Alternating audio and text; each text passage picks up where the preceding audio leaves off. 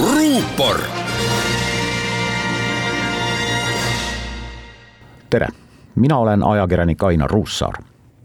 püüan igapäevaselt jõudumööda jälgida venekeelset meediat ja muidugi vaatasin seekord eriti tähelepanelikult pühapäevaseid kajastusi meie tähistasime moel või teisel emadepäeva ja Euroopa päeva, aga pidasime uudiseid jälgides ikka silmas ka neid, kes ei tähistanud emade ja Euroopa päeva kelle jaoks on üheksas mai hoopis teistsuguse tähendusega, vaatamata sellele, et neid, kes seda seitsmekümne kuue aasta tagust ajaloosündmust veel kuidagi ise mäletavad, ei ole enam kuigi palju.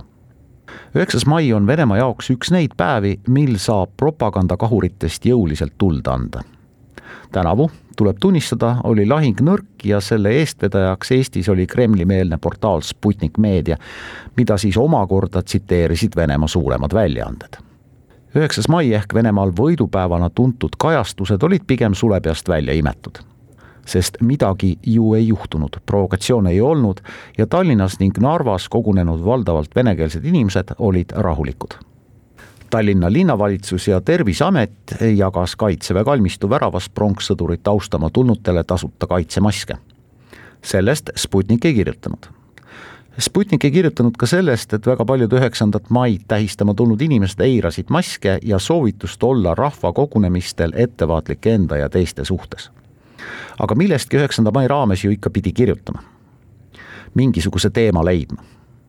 Sputnik ei pööra just ülemäära tihti tähelepanu Eestis resideeruvate Ameerika Ühendriikide diplomaatide või USA saatkonna teadetele. seekord aga ületasid nad propagandaportaali uudistekünnise mitmekordselt Sputnik heitis Ameerika diplomaatidele Eestis ette seda, et nad ei meenutanud sõnagagi üheksandat maid kui võidupäeva ja pidasid hoopis olulisemaks mainida emadepäeva ja Euroopa päeva. millele aga Venemaa meedia just üheksandal mail tohutut tähelepanu pööras, olid õppused Swift Response, Eesti-Ameerika ja Ühendkuningriigi suur sõjaväeharitus, mille käigus maandusid laupäeval Nurmsil kuussada lahinguvarustuses USA langevarjurit.